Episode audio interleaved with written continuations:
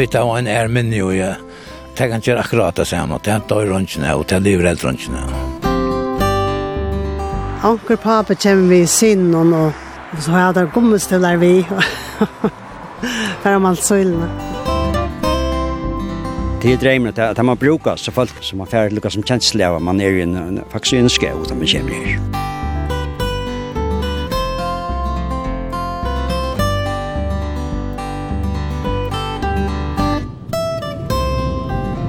Gåan der, og velkommen vi av Notjan Tur. Jeg har sagt det før, og det gjør ikke om jeg entertager meg selv vann, tog er i hodtidgen av folkene som er og eldsvaler, og verilige brenner for tog til gjøre. Og som heva øyne visjon, som tjener holdene, samfunnet, og ikke først og fremst tar man selv. Er nå av ved til øyne eldsvaler, hever kost norretter og tjøknum sundaleie, og så gjerne neka soretter attor, fram vi gjennom parti av skala Fjörnum, Estar og kommer nu om man møte Sirigøto. Om en løtto har vi bygdena nedanfyrre, og her miskøyes, om man fyrir veien er en sethus, som kjøtt ikkje suttjast, tog vi er kommet opp framanfyrre, bant vi høvusveien det er Leivor Sørensen, Vienkur i Gøto, som er mostar fyrir jæsare Vialundne, og hon vil røpt Kinnalund, tog stedernavnet er oppi i Kinn her i Syrgøto. Og Kinnalund er spennande, tog det er bare 90 år, så gjerne fyrsta treje var sett nyer her, så tar man veksa vel i fyrjon. Tog trøyene er og ekvillan ekvitalene nu, og som i automun er rattlige høn. Hesen turen er et sindur ørvuse. Hette er vi Tore og Tore og i Kinnalund.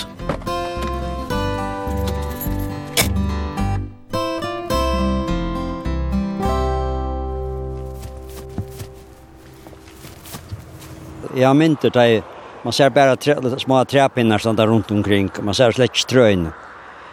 Det er otroligt at, at det skal komme så kjøtt opp. Leivor Sørensen, hei du uimynda der tar du for til gongt at det skulle bli så størst? Det er ikke, nei, nei. Det første gjerne kommer man ikke til trøyen. Og hvert helt man det er det, men hvor år kom så knappt jeg så blossa det opp. Det Her har råden utviklet seg. Det vekste det nye etter første tøyene. Hvordan er det hakstå? Det er en tverrmannsatt, det må det være. Leivor Sørensen, hvordan fikk du huskått om uh, En så via Lundna, Kynna Lund, som hon hur finns navnet? Ja, det kom så så løs at jeg arbetar med Tryckelstan jo nesten 25 år her til Samans, landmaler, ja. Jeg halte det var omlai 2006. Da ble matrikkstående lagt saman vi åtte øren stående til um, ungarstående.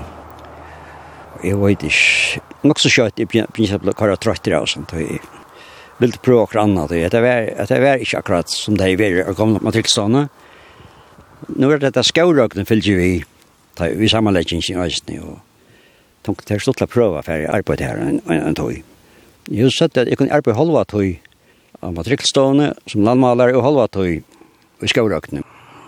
Det har dømt mer utrolig vel å komme ned her og arbeid. Vi kom rundt i plantasjene, rutta i forskjellige steder, og vi kom til dem sine sjela, tror jeg. Så var vi til vaven og planta og Vi var rundt, så vi sa alt det her som det hadde rundt seg, skårøkten. Og i havnen i Østen, her er flere øker. Så arbeid oppi nede ved kjøpsandøkene, det er aldri en lensje og det her. Så jeg hukte om han her en dag, så knapplig, så var akkurat som vi fikk en oppenbering. da Jeg tenkte, det er lukst akkurat øken her nede, for som vi bygg ved Sirgøt, jo. Det er minne øke, men akkurat så jeg skulle se, så kom jeg se ut her hvis jeg slapp av planta. Så kan ikke nøy, så til enda så, Ja, jeg får så spia Trent Leivson, som var daltaløyer av skjøvrøkene. Og man har ikke mulig å få futsing til å kjøpe trø.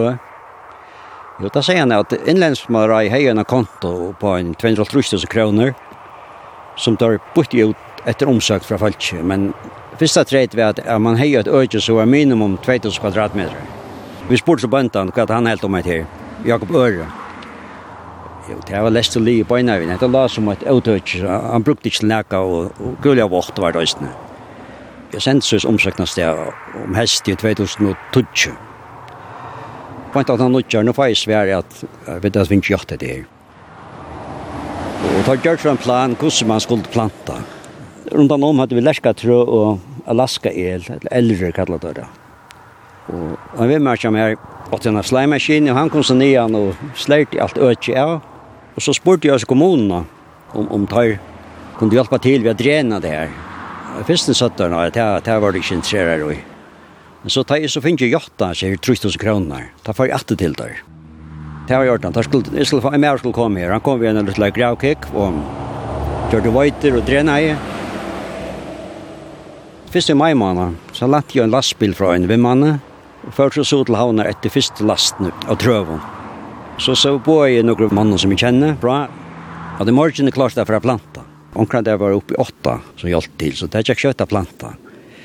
Stod mitt eller noe kvar, kvar norr i atter og fram. Og... Men det var ikke ordentlig fullt, så anna år etter, så sagt de atter. Det første året fikk vi 3000 kroner, og så sagt de atter, og så fikk vi 25 000 kroner, som vi brukte til å fylle, fylle resten av vi. Man skal ikke tøyme det, at græs vekser bedre enn jeg annet, særlig med den trø. Og det første året sett vi da en 4000 trø og planter nyer. Det er akkurat noe år så igjen. Vi plantet det første trøet nyer, og då sa at det blir en rettelig stor og høy. Og det er cirka en 6 kvadratmeter. Det er det som er kjølt lunt her.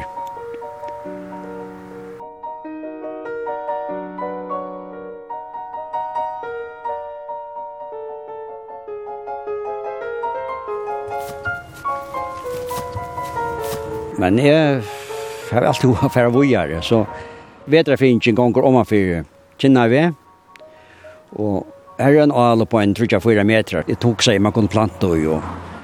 For tre eller fyra år så igjen, jeg atle jeg søkja om man får mer stovål til å fære ned vid venen, men nå visste jeg seg at han lasters kvinnan som omsett dette malsøk, hun er avtidig i åttene. Det var veldig rævlig skuffet, det må jeg si, og det ble tås og snakk og fokusere snakk på omkvarvet og hvor skal vi trevaks jeg for hjørna og det binde CO2 og alt mulig. Og jeg prøvde flere for, og jeg skriva til henne, men jeg fikk ikke svær. Men så fikk jeg stål fra Anker Virsten her gått og kommunen. Så jeg kjøpte en 400 trø, og jeg har sett den igjen her, og spørste en, en lærere, Julie Lammauke, om, om det kjører en chanser å komme med en klasse nye av planta. Den ene dagen så kom den nye til alt trøyen var kommet norr, vi fløy læreren, og onkel foreldre var i Østnevi, og bøttene, de planta i det gikk øyla godt. Og de er vi har kommet opp, nå, det er tror jeg så igjen i alltid. Men nu var nu fratt i atter, nu var pengar atter, kom det av seg kontoen. Jeg prøver i atter, jo, jeg fikk noen kroner jo, at kjøpe trøfyr. Så det er gledelig at jeg kom vi atter, jeg håper bare at kontoen fyrir veksa i, i tøynen. Jeg finner jo et nytt øke fra nu er han til festare som heter Paul Arne Jakobsen. Så her har vi sett en 35 bøker, tror jeg, og så en rikve av sånn, mer eksotisk kontroll fra Hans Henrik Mikkelsen, som ikke har sett stedet før. Det er jeg spent på. Så hendan Lutland Verskatlanden er bara vaksen og vaksen, så Kinnalund nu er 40.000 000 fermetrar. Det må være blitt en tjejdus kvadratmeter nu, det råkner vi. Ja. Mittel 5-6.000 tror jeg, det må det være som er og her. Det er nekslå, altså. Ja. Rattelig nekv. Leska trø, Elrier, Alaska el, så er det ahorn, Sorbrøkene, det er i øyla for elskar. Nå fikk jeg 16 atreat fra Hans Hendrik, det var stort å slippe å se det her nye. Så er det Berga trø, som jeg, jeg var et av fokler kommer ståast her.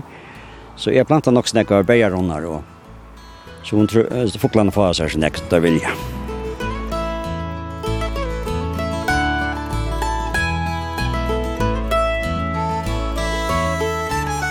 at det her er en uh, kryptomeria, et kryptomeria japonica.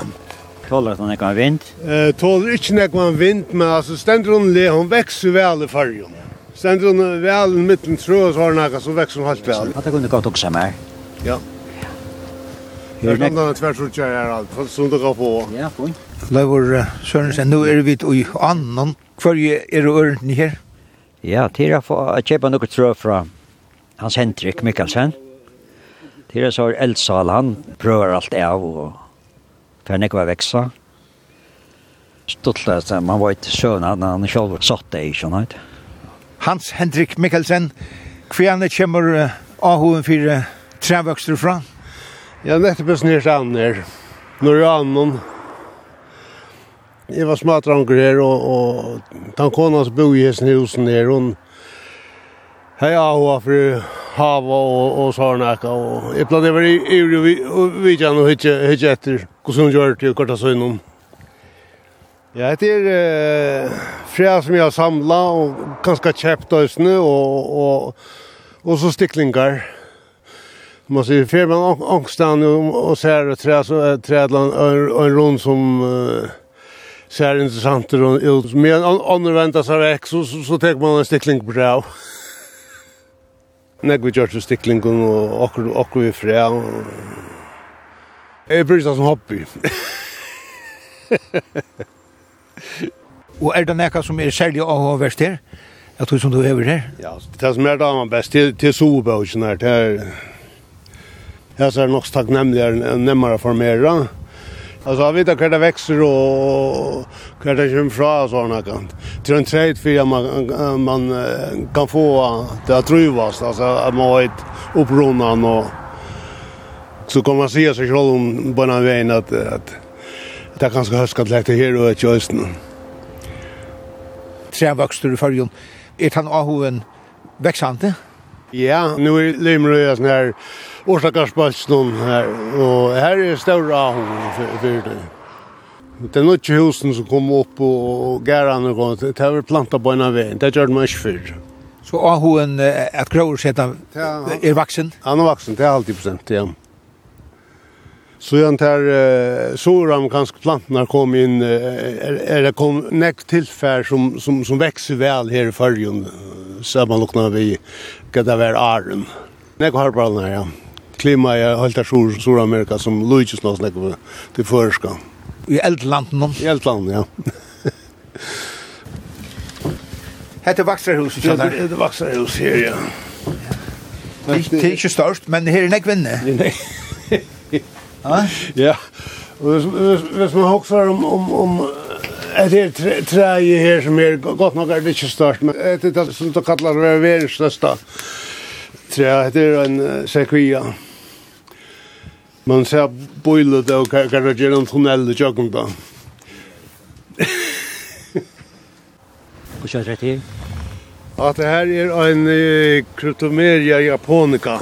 Tåler at man ikke har vind? Eh, tåler ikke nek man vind, men altså stender hun le, hun vekser vel i fargen. Stender hun vel i midten trå, så har hun nekka, så vekser hun halvt vel. Ja, en stavner i havan, eller nere i er ikke nere. At det kunne gått også mer? Ja. Ja. Det är någon tvärs och kör här alltid så så så som, det går på. Ja, fint.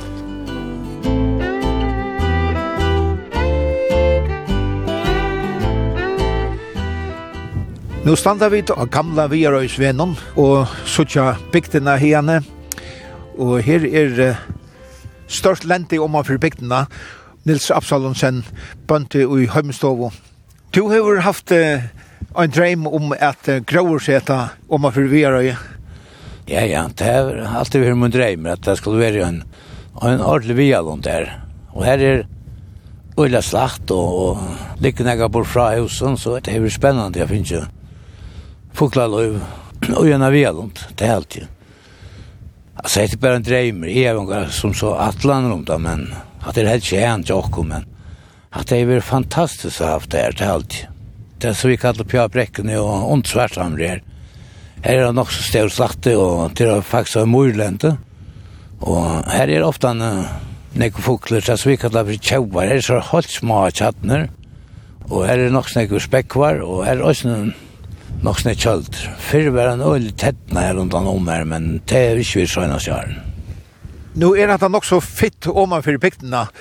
Det er ikke vanlig til følgen at grauer setter trø ute i heanene kanskje ikke helt vanlig, men det er flere bygdene for den. For eksempel Selatra og Kone og halvt annet forår ligger i bygdene. Ja, det er halvt, men det er ikke kroi, Trondkjøya. Trondkjøya ofte han er på at kanskje Østlendere har vært gjort. Og jeg har brått siden jeg er først for å være i Osland, selv her på Norrland nå. Her er nok snekker vittelskauer. Det er stått av genka nå i mitteltrøyen her. Her møter man imskonsla fuglene nå i her det er helt fantastisk hvis det er her. Og i munnen av er det øyla løyte som vi bønter at miste av tog jeg vet at planta det. Nå er i munnen så vi om, om vi tar en er minne og jeg det kan ikke akkurat det samme. Det er døy rønnsene og det er liv redd. Sverre Pettersson, det han levde, han snakket nek om å planta trevøkster i fargen. og til morgen hundra år så han, han skriva jo i bløyene som han kallte folklavram at han tångte ju inte på att det vinner den där. Vi skulle kanske vara självförsörjande över timper, men det tycker vi nej vann. Men kvärt heita giv jag kon att uh, grower sett uh, imsa stanni och igenom. Det är öle stottla gänkar man har fåglar ju och spännande uh, att äckla fåglar har alltid damp väl att äckla fåglar och, och det är öle nekvi mer som har damma det väl det har varit. Det er ikke noe fugler hører som for eksempel brinker deg og kvarkvekker og, og det er damer vel så året. Så det er sikkert kommer her fugler høysen til åkne bra vi. Er det nekva stendig at det er veldig ekne at uh, kroer sett, tror jeg, og igjennom? Ja, det er rett enn nekva stendig. Det er ganske nok spratt, men vi tar et øye halvstøvra slaktar i Norrøys. Beier, avier og ikke minst svin. Her er øye nek slaktar, eller støvra slaktar og jeg imser den i husen.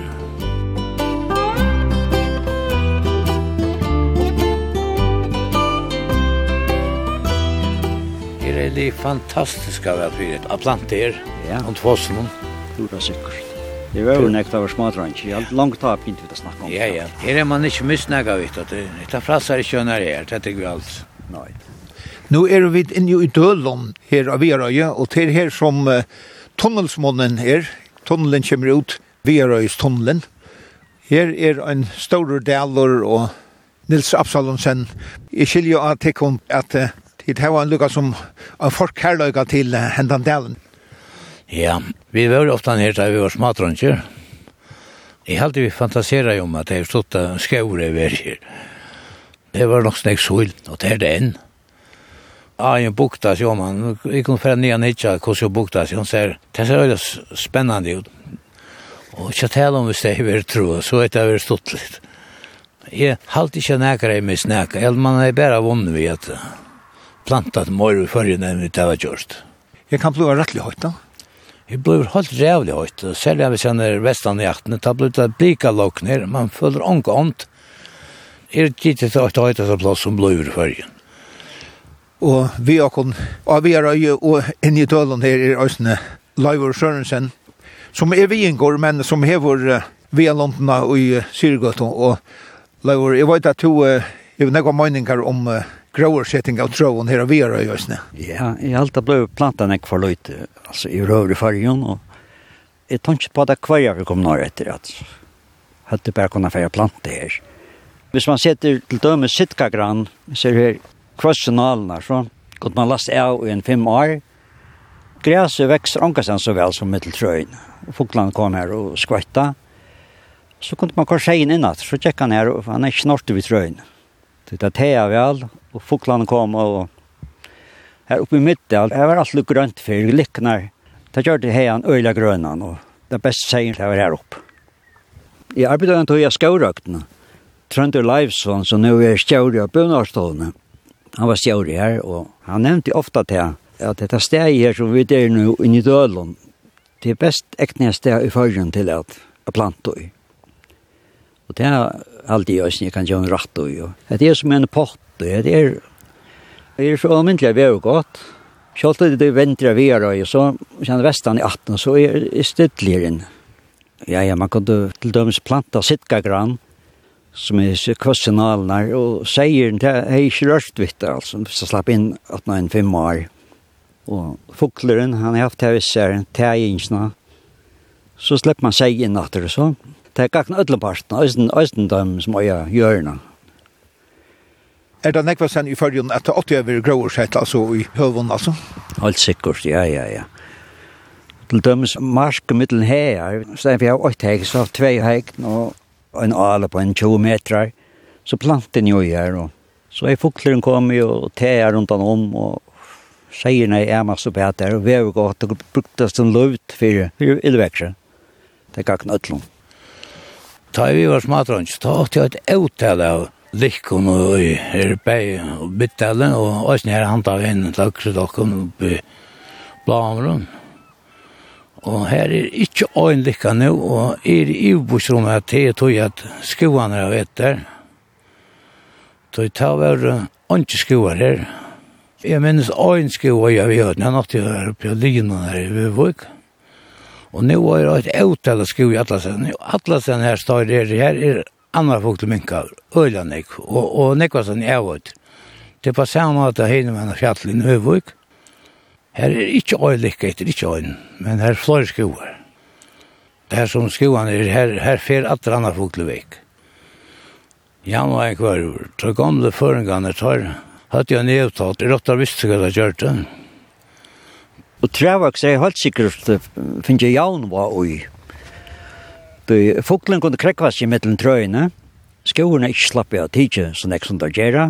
Det regulerer seg ikke selv, det er så gjør det. Det er ikke ivlever, og nå er det skolen som er kommet til å ivdekke alt. Jeg tror vi at det er blitt høyt her til, jeg tror at fjøtlene rundt om er som er så, og så heter jeg lukket som en potter nå her, så jeg tror at det tog det er blitt høyt her. Det er sørste sommer om kvalitet, det var ikke bedre til med 22 grader, Vi vet at det er at, at nek vekser, nek bete her som det blir røyla høyt.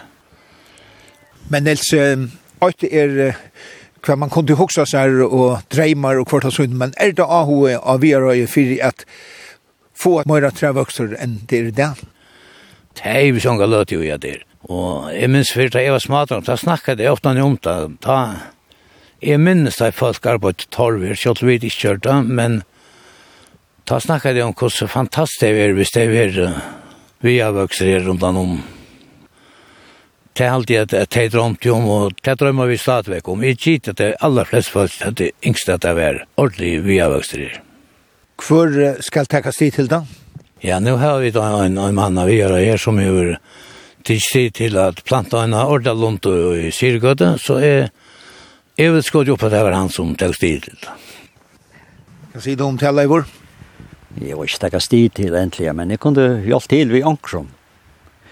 Hver jeg kom når her, så snakke vi folk som det ble vi å si at vi burde planta mer og seilen i døl.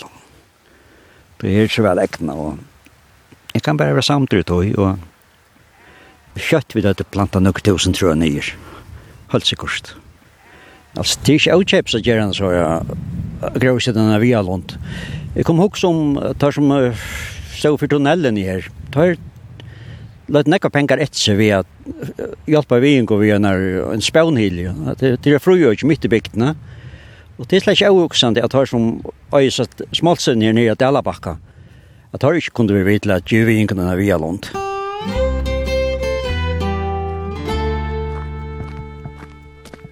Nu kan vi ut i i via Lundne ut i i Havnatelle og saman med meg er formøren i skofriingar nevntene Johan Mortensen, og Johan, eh, jeg tror nok så vutt øtje, og jeg tror en av tømme nødkjær og via London, og her er ikke så tatt grauer sett. Jeg tror godt ømme om hvordan man kan gjøre i følgen. Ja, det her er en av tømme nødkjær via London i følgen. Hon er slæka halva öld, hon er planta, men som rett fyrst og tjeit i åren. Da høytte vi et nok så framtaksunna byra i Torsna kommune, Og hetta bøyre lært hetta stora lente skofria som er heilar 240.000 fermetrar, som nekta største fyrjon, til er om lei en fjóringer av tog som er skofria i fyrjon. Og som du eisen sier, så er ikkje alt planta, så lei som politikken hever, så hever det lukka som li alla den tanken at du skal planta neka, men du skal eisen leta neka frilente litja. Det skal være så at jeg folk kunne njóta løter ute og i frie og i løt. Og det skal eisen være så at dette her er et godt sted til fugle at eie, versboi, og eisen til fyrre fugle at komme ui Dette her er et fantastisk sted. Det er være gjørter gøter, så det er ikke hver nare men nesten hver nare Det er ikke åndet til at folk kunne njóta meira hetta her góa og stóra økjum. Her er møvlager for flere turen her ute. Ja, her er flere møvlager, og Torsland kommune, hun er jo rettelig av og ut hui av folk skulle trivast. Og her vi genga nå, så gjør vi til at her er er bor, vi bantje sett opp, så jeg folk kunne sette seg nere njøtene løte. Men Johan, Vi tar jo ikke nekvann skoarvokster i fyrjon. Jeg vet at du er eklig hodtrykjen av Øslendingen, altså det som er gjørst i samband vi trevokster i Øslandet. Hva har vært tar gjørst rett? Etter skoarpolitikken rujtjesens, så har Øslendingar sett seg fire av planta av leit halv millioner trø om året. Det avgjent er at det setter seg høymål sujan der for av gråsøta. Og det er ikke for en mer enn godt og vel hundra år sujan. Kjente Danen Flensborg, som eisen var i Førjun, og fikk av avhå for at røyna trevaks i Førjun. Han gjør det første fra grøyngene og tilmeldene om gråsøting i Island og ta om alt er skiftet i 1800 og 1900. Og ta for det så spekelig gongt vi at gråsøta. Begge fyrir å få via lunter eller skover, men eisne fyrir at um, binta gjørelten, tog jeg at nekva stand var jo skrielop og kvarsa søgnen. Så nu er, er 1,2 av vidden i Íslandi grovsett, men der hava innsjum å komme på en 12 prosent, men 20 år. Og jeg har skilt alene annan at uh, med en parten er tog som der brukar jólun, jólatru, at det er uslensk. Og så har det nekka anna i Íslandi som vi eisen har hugsa om i forrjun at det er nekka som vi dotter har gjørst, til det at um, Íslandingar har tre plantingar felun. Hese felun er om alt land. Sist er så at det altså er om um, 8000 limer og just sånne tre plantingar felun. Hese felun tekkar så sti til at utvia lente, utvia planter, og så færa det i gang til at uh, halda det var lyka og grå og sætta. Vi hjalp sjån det fra skoa i. Men heldig to at vi åtto at sette kun uh, luknande mal som uslendingar at, at vi skulle grå og sætta så og sånn eik trø om året? Ja, det er aldri avgjort vi skulle gjøre Som nu er, er 0,07 prosent av føreske vittene skoarplanta, Og vi skulle haft et mål om å komme opp på tildømes et halvt prosent eller ett prosent eller noe luknande. Men for at jeg kan det seg gjøre, så må man ha en skårepolitikk. Og vi har ikke haft noen skårepolitikk i forrige. Vi har en lov, og hun helt fram til 2002, og vi tar en av grover stø, som nå ligger under omkvarstående, men vi tar ikke noen skårepolitikk. har nevnt en arbeid i fjør vi er gjør et oppskott det her oppskåtet som skal skiljas med arbeidskjall var lagt for landstorsmannen i skovermalen, Helga Abramsen, og i februarmannen og i år, så les vi det få en, en verlig skoverpolitikk i landet. Men vi valgte så å sette Si at vi skulle mye etter å planta 200 000 trø om året, til fyra trø for kvønn og ibygg i forhånd. Det blir jo eisen til at planta vi alle allmenna bygningar og kvarta søgn, og det sier vi eisen i uisen der skovapolitikken at da man gjør boilingar kvarta søgn, så skal man alle huksa hetta planten og i som er så plantar vi ganska stær som er 45 til 100.000 trø om året, og jeg er ganska særlig nekt, vi har folk hadde tog til det. om men vi plantar vi allmänna bygningar og plantar meira og i økjum som bare litja. Og kunne vi så økja om vi er lundna ganska eisne fra flere eller økjum støtten av teimen, så skal det ikke nekt til for jeg kom på 200.000 trø. Men det skal så sånn det bæg vilje, og det skal eisne nekka penig til. Hva er uh, hovedsargumentet for at uh, grøver seg til flere trø? Folk trivas her som det er trø. Det er så ikke vi nå, vi har møtt folk som ganger turer vi hunde. Og her er træt er trævøkster og medle gode for fuglaløyv og fuglaløyv og kikt og kvarta søgnen til en parster av vistfrøyene, så til tøytning og tannmaten. Men her er træt så halte jeg eisen om vi skulle huske om trø. Det sikva jo CO2 use og gøyma CO2. Så i hessar strømpan etter at avmarka CO2 utlate, så vil eisen ek hukse om erastan at planta flere og flere trø, tog at hette her er kanskje eintan allar lattaste og beste maten til at avmarka hette her vi CO2. Og i dag er en særlig dag i Klaksvøk, tog jeg vil ha til å gjøre helt her ute i Vialonten i Grøv, at det just er å fjøre til Arsøyene, første treje, hver sett nye år her. Lam ut er gasi og løy og og sjælen er skuinor av på Asbjørn Lomaklett, om en løt oss kalt å halde røv og her ute i Grøv, fjøre til Arsøyene, tja Vialondene her to varst ein av stitakeren til hesa vialundna. Var det størst forståelse for at gjerne vialont til ute i grøv? Ja, det var det avgjørst, ja.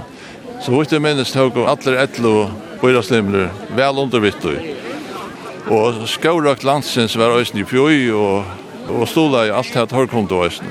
Hvor blei det akkurat her ute? Ja, det tog jeg hette steg har alltid haft en særlig støv.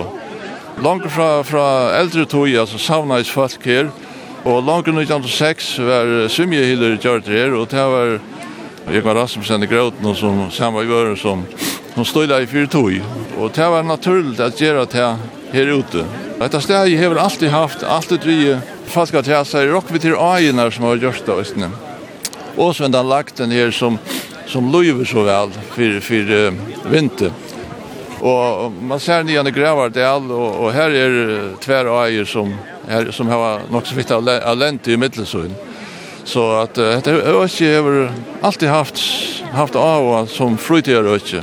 Barnen var spalt i ånden här och fänga sol och Kvann tutning heldig to at hendan via London ut grøv hur haft? Hon har haft otroliga større tutning, og, og folk hever så kvart som uh, trøyene har vakse, så har det vært vært bitar mer og mer ute rute, til at uh, ungfarve vært så kjøltsamt og vekkert, Och alla liten där tröven och ger oss inte att att honen växer utan man kommer ut i här som man är ju inte vänner vid i färgen. Om med färgen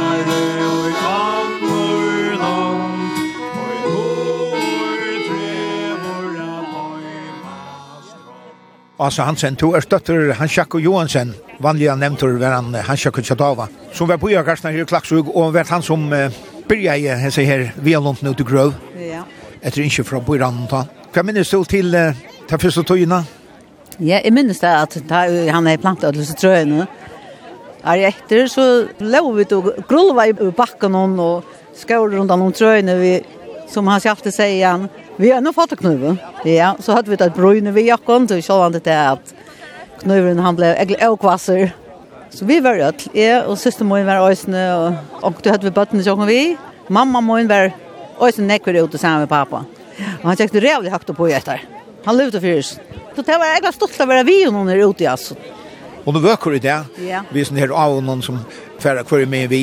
Hei, du vant at hun ble så vøker? Nei, man umynda seg slett det at det var så som så ut i det.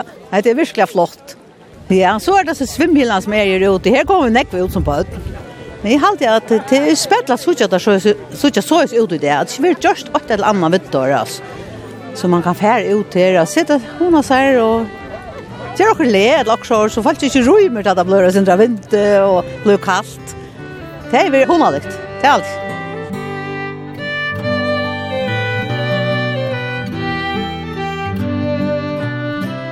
Så kommer vi til atter i Kinnalund, og man fyrir høvesveien her i Sirgøton.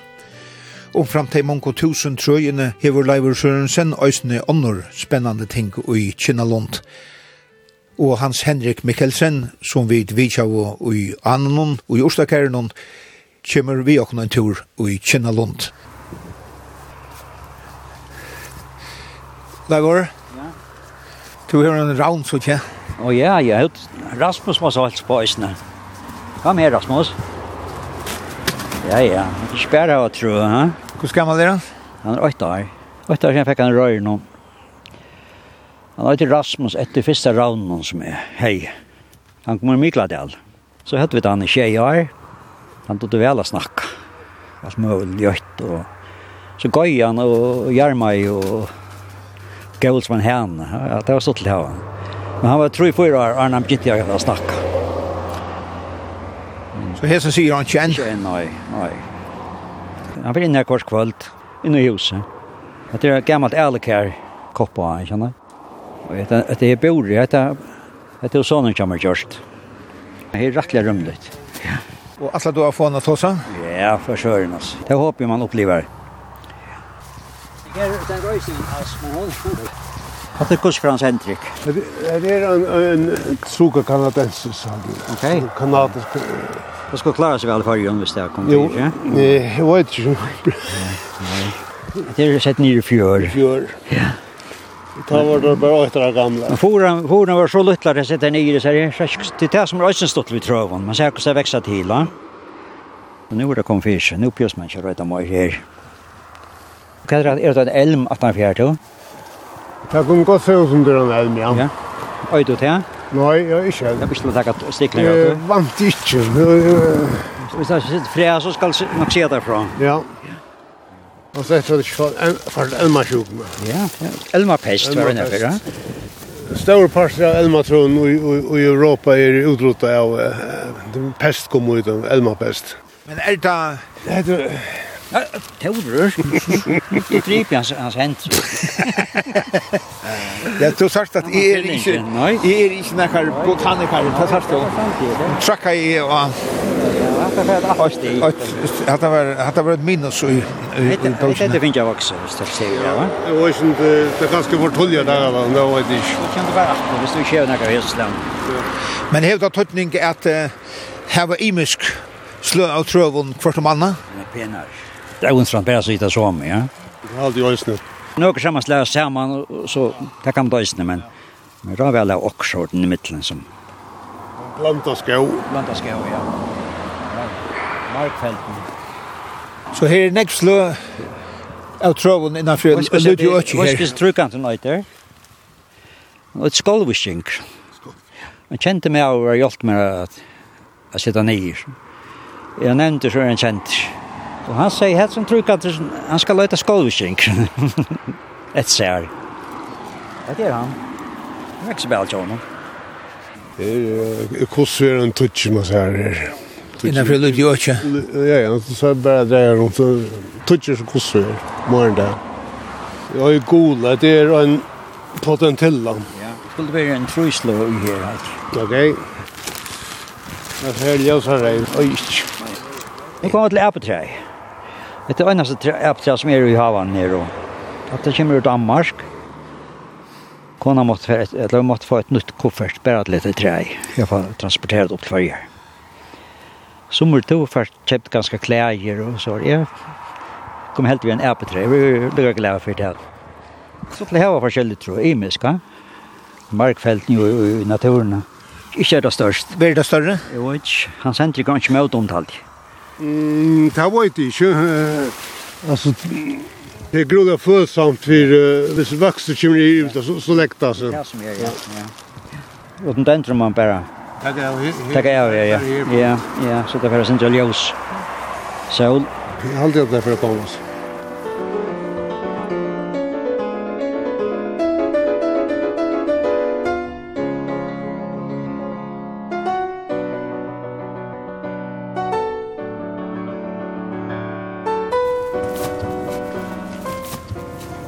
i Ísland hvis kvar så er nekk øyla stor balsam popultrø. Det var det at det var for å få folk vi på at plante i Ísland. Så sier gartneren at et eller annet Vi setter trø som vekser kjøtt nye, så folk ser at her skjer nekka, men så, så setter hinne i Øysten, det smarre som vekser sånt. Hvis man bare sett det, så hadde folk hatt at ikke mange det vekser. Det har satt folk Øysten om det her. her så ikke akkur vekser kjøtt her, det er så ikke, men tanken jag boja bär det så det kommer så att en har kommet kommit upp. Det så här det sitter runt det det kommer för det växer nästan tvärspann kommer det så här det översa lösa grund det är det vuxna i år. Vi tog laksa petten og i Kinnalund stender et eglegammalt gråthus. Det stod jo også her Arren og veveren, den nutje veveren, kan man säga, som ikke er så nutje langer, det er nok så høyt opp til hans her. Leivor, det er rettelig gammalt gråthus, va? Ja, det ser jeg da, at det er rettelig gammalt. Jeg, jeg vet ikke selv hvordan, men jeg tror at det er bygd opp hendet maten, og hendet en av rundt der. Det sier det at det er et gammalt hus, og Palle Gregorius er vært i Sjønvarpen. Det er først vi hørte om, om det gamle byggesiden så var nøysen til at dette burde slett steg her. Hver prosjekt i Jackpoint av hus her, det er gjort landsvinn her, men en kone i Norge som heter Arnle, som steg for jeg var vøyta, plassastov og glivrandshus og tøylukt. Hun var så eldho at hun fikk brøtt prosjektet, så veren ble snæra over fra vi husen. Og tog er det høyt fjall og fyri her, men det ligger så her, men ikke var et omvendta hus, altså. Og vi så ut at her leire, vi var kommet ned i byggvarfyren, 30 år så igjen, og alt var sjunka nyer. Og så møtte jeg fått Fottbrøyngsen någon og han kom inn av matrikkelstående her som jeg ett og så nevnte jeg det vi han at om man visste om at det huset i Gøte som, som var fria, og det åtte han kan gåa som det sa ut. Jag han ble sin der av, og vi halte tar for noen norr hitja, og så kom jeg med av ur, ur huset, en grøt med over norr og leia det opp og bygde noe i utrom og leia le flere ater. Nå ser det, så er det godt ut ater. Vetsene var ikke tatt nye som jeg nei. Så det er som det var åren, ja. Da mener jeg at det er altså til brennende torvhus. Ganske vutsinger har brukt det til å gammel bære alt og ut. Det er jo at alle følger vi bære alt. Musikk Og konan og kjenna Lund, Anna Sørensen, er du nek vi i sånne her store verkatlan? Jeg vil ikke si at det er det, nei. Men damer vel, tror jeg. Men jeg skulle ikke komme for nære til hos noen. Så jeg nej och og finns ju jeg et felt nøker, en tvei tro som har vært bort uten forstående deg. jeg vil gjerne sitte ut. Han er damer kvørst, som han sett nye, så han er vilt ved at fettla det. Og så er det også snøvrene. Ja, så ringer jeg planta at klein kommer det tottene ikke snøvrene for drøven. Så det her måtte jeg bare selv gå vekk. Men annars, her nere i Kinnalund, er så ikke noe vi? Nei, her er ikke noe vi. Åttan til å sitte og hona mer og snakke vanna, nei. Det er virkelig døylig. Hei, du umyndet deg at det ble så størst, har han foregang? Slett ikke. Slekt ikke. Ja, det vokser så avmentelig størst og, og knappligt. Der kommer han ikke forbi. Helsker i øljene, bilsen i, hvordan setter seg ut, ja. Og så han til nek kommer tur her. Alt kunne fære utan å bli om løyve her inn. Hette krever nek, og hvordan sørst du fremtiden til Kina Lund? Ja. Ja, jeg råkte mitt hjemme akkurat takk iver. Nå er vi klare ikke nek bare at jeg råkte ikke vi. Selv om han hever, han hever jeg vil ha gått noe, det er neppa når jeg har. Det vant ikke. Selv om jeg er klar for det. Tid er jo bare tilflyttere her. Ja, nemlig. Ja. Det er tredje vi har siden vi kom her til. Og det er sånn spesielt av Bikva Soløys. Vi landsvever i midtelen. Selv om vi kommer han sammen vi tar imot bygdafalsen Det var nevnt å komme til gøte. Falsen er jo øyla fikt, og vi kjente nøker til å komme. Det var en som vi sakna i første gjerne, det var omnar og abbaner til badna jenter og sånt. Så da måtte du sikla i rommet, sikla til klaksvugar. Ja, nu kom jeg ur klaksvug og mævren løyver av Vierøy. Og vi bor i Vierøy i fyra år, vi kom her til. Så det sakna vi nek med en bøttene var løyt Øysene var det nok så nervøs da jeg bøttene var lov til fire landsvennerne. Så jeg sette en sånn skrekk ut i fire landsvennerne, så det er ikke respekt for henne. Hersland er blevet nekkmøyer. Altså nå er det bare å se alle tøyene. Vi merker at det ikke tar å sitte inne i huset husen og vinter inn i atter, men da man er åttenfor så er det alle tøyene. Og nekk som kommer fram vi, uh, legger merke til Kjennalund? Ja, det gjør det. Det er stikket, ja för om man till Raunen och man till gamla huset och som jag med packar vi sätta sina löte. Ja. Onkel pappa kommer vi sin och, och så har jag där gummistövlar vi. för om allt så illa. Och kunde damma väl i götet, det har vi. Ja. Bøttene får till till på ena vägen. Och det ikke tjuksa seg näka Anna. Og en av, av drönsen, den eldste, han, han er så gifter og bor i norra götet. Hene tror er som er i Danmark, og de atlasar hjemme det er alltid. Og de aller helst bygget det i gøte til det kom. Men det var ikke slant ikke vidt ved akkurat det er. nu er det blivit så personligt, altså det har vi ringt att flytta igen, ja? Jo, det er sannolikt, men att halta det här tal beskan vara tungt alltid, som man eldest. Du ser hos nu vera en kanningar ståva kanske. ja, det kan ju också, ja.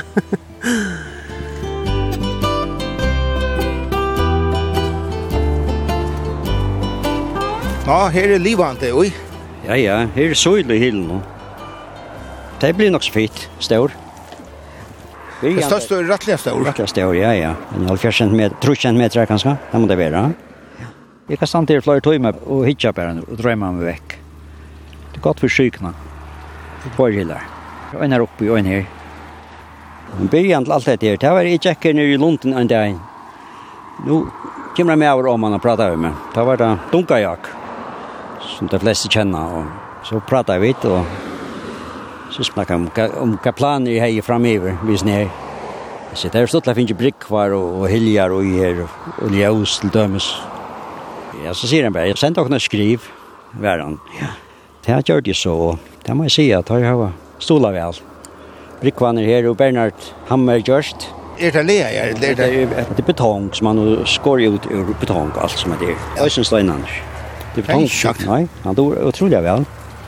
Nu er ferdig løsøysen. Ljøsen kommer bli sett opp i sommer. Men det mangler bare gøter å få gjørst. Stansette gøter og... Så det vi det neste? Ja, det er det neste prosjektet. Nu er den ikke større? Nei, nu kan ikke være ukan av meg ut her. Nå kommer man ut mot det her, så folk hodger og så. Så dette blir ikke større. Men jeg tror vi begynte at plante her. Og så finner menn ned i bygden, i Østene og Fyres nere. Mitt land og en som heter Karl Thomsen för en lärare. Han är så Elsa där nere och tar ju för en gång där nere och här blir en ordentlig växa nu. Här gör det gött där nere och likte kommer och och så så så planerar öch till ju två måste över nyare och över London kallat där då. Det är rätt en ja. Han har också fick stol från inlandsmalaren och kommunen. Så det är öjla stort till det här. Det kan spjära sig. Det er større en tutning? Jeg har alltid større en tøytning, bare for klima og fuklaløy og dreimer som er vujar i her. Det er, det er nek som kan gjeras her. Så jeg får planera gøtene, gjørs ganske til rasser her. Så det ble det som en samlested for ødla kunne komme i. Det er ikke noe privat det her. Det er et allment ødje som landet omsider. Og mer, hvis man gjør gøter fra, så, så er det nemmere ikke folk som kommer her til. Annars skal komme nek folk her skolaklasser komme, nekver vi i sommer, tvær busser var vi først, det om det. Og i fjør kom en fotler busser i svenskon skauar og øyaren. Vi visste dem rundt der, det var ordentlig imponerere av oss nere. Og jeg minns det sørste det for at vi med at, at du må hilse dine sponsorer og si at det er jättebra som vi har lavet her. Så ein og hver er velkommen og kjenner lundt. Ja, det er så helt sikkert. Det er alt velkomne i Kinaland. Og det er dreimer at, at man brukar så folk som man færre lukka som kjensle av. Man er en, faktisk en skau da man kommer her. Det er godt bare for lika mot sal. Og det er kjenslen av færman? Det er færman, det er kjenslen, ja. Helt sikkert, ja. Og det er bare, hun er bare større og større. Som tror jeg veksa til, ja. Uta skal man hava pula vokster eller hva det er for å halda bråta vinteren. Det er viktig, Og så kommer hit spekler innan, innanfra. Vi skal tinnas ut, men de som er virkelig smiklas, de slipper sant. Er det ikke også en stor avbjøring, altså, at, at tinna, altså, du, du, du gav i alt, da? Vi blå an i hjertet. Det var ikke morske være vi sjolver til det. Men uh, Leivor Sørensen, dette er stor arbeid at halda en slukka lund. Du blir ikke inkri, sånn. Du har vunnet nekk gau år enn, men, men du blir ikke inkri. Altså, hvordan sørst du fremtiden for det? Ja. Ja, jeg vet ikke ordentlig hvordan man skal si at Nei, jeg blir ikke yngre, og det er ikke om løyte på seg som det er i nær. Rattelig løyte, og halsen er ikke helt optimal. Men det kommer i ångan det. Jeg vet alltid jeg kan fære om han lunden gjør okst. Men hva er sånn, det vet jeg ikke. Det er yngre familien i har til å for det? Det har ikke vært snakk vi er til. Jeg finnes det ångtøyene, men det er... Det må man kjøpe seg til, ikke sant? Og abba bøttene, så hvis jeg får finne på om, men og et lagt penger at fire. Nei, det er gongret til å få ta kjensla fram. Jeg håper jeg kommer til ånkron av dem. Annars må jeg bare for gong vi, vi skåfriing.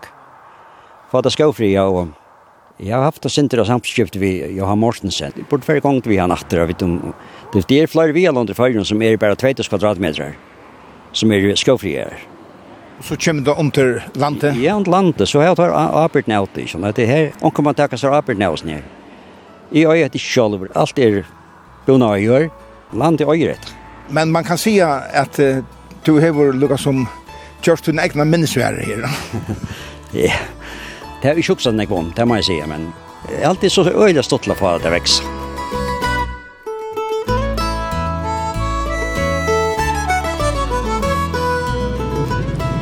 Hetta var Kinnalund og i Sirgøto, og hun har vært at vi ikke her, og østene høyra om ærar vialunter og tankar etla atlaner om vialunter. Hese turen er atter et høyra og i utvarpnum torsdag klokkan 11 og leierdag klokkan 4.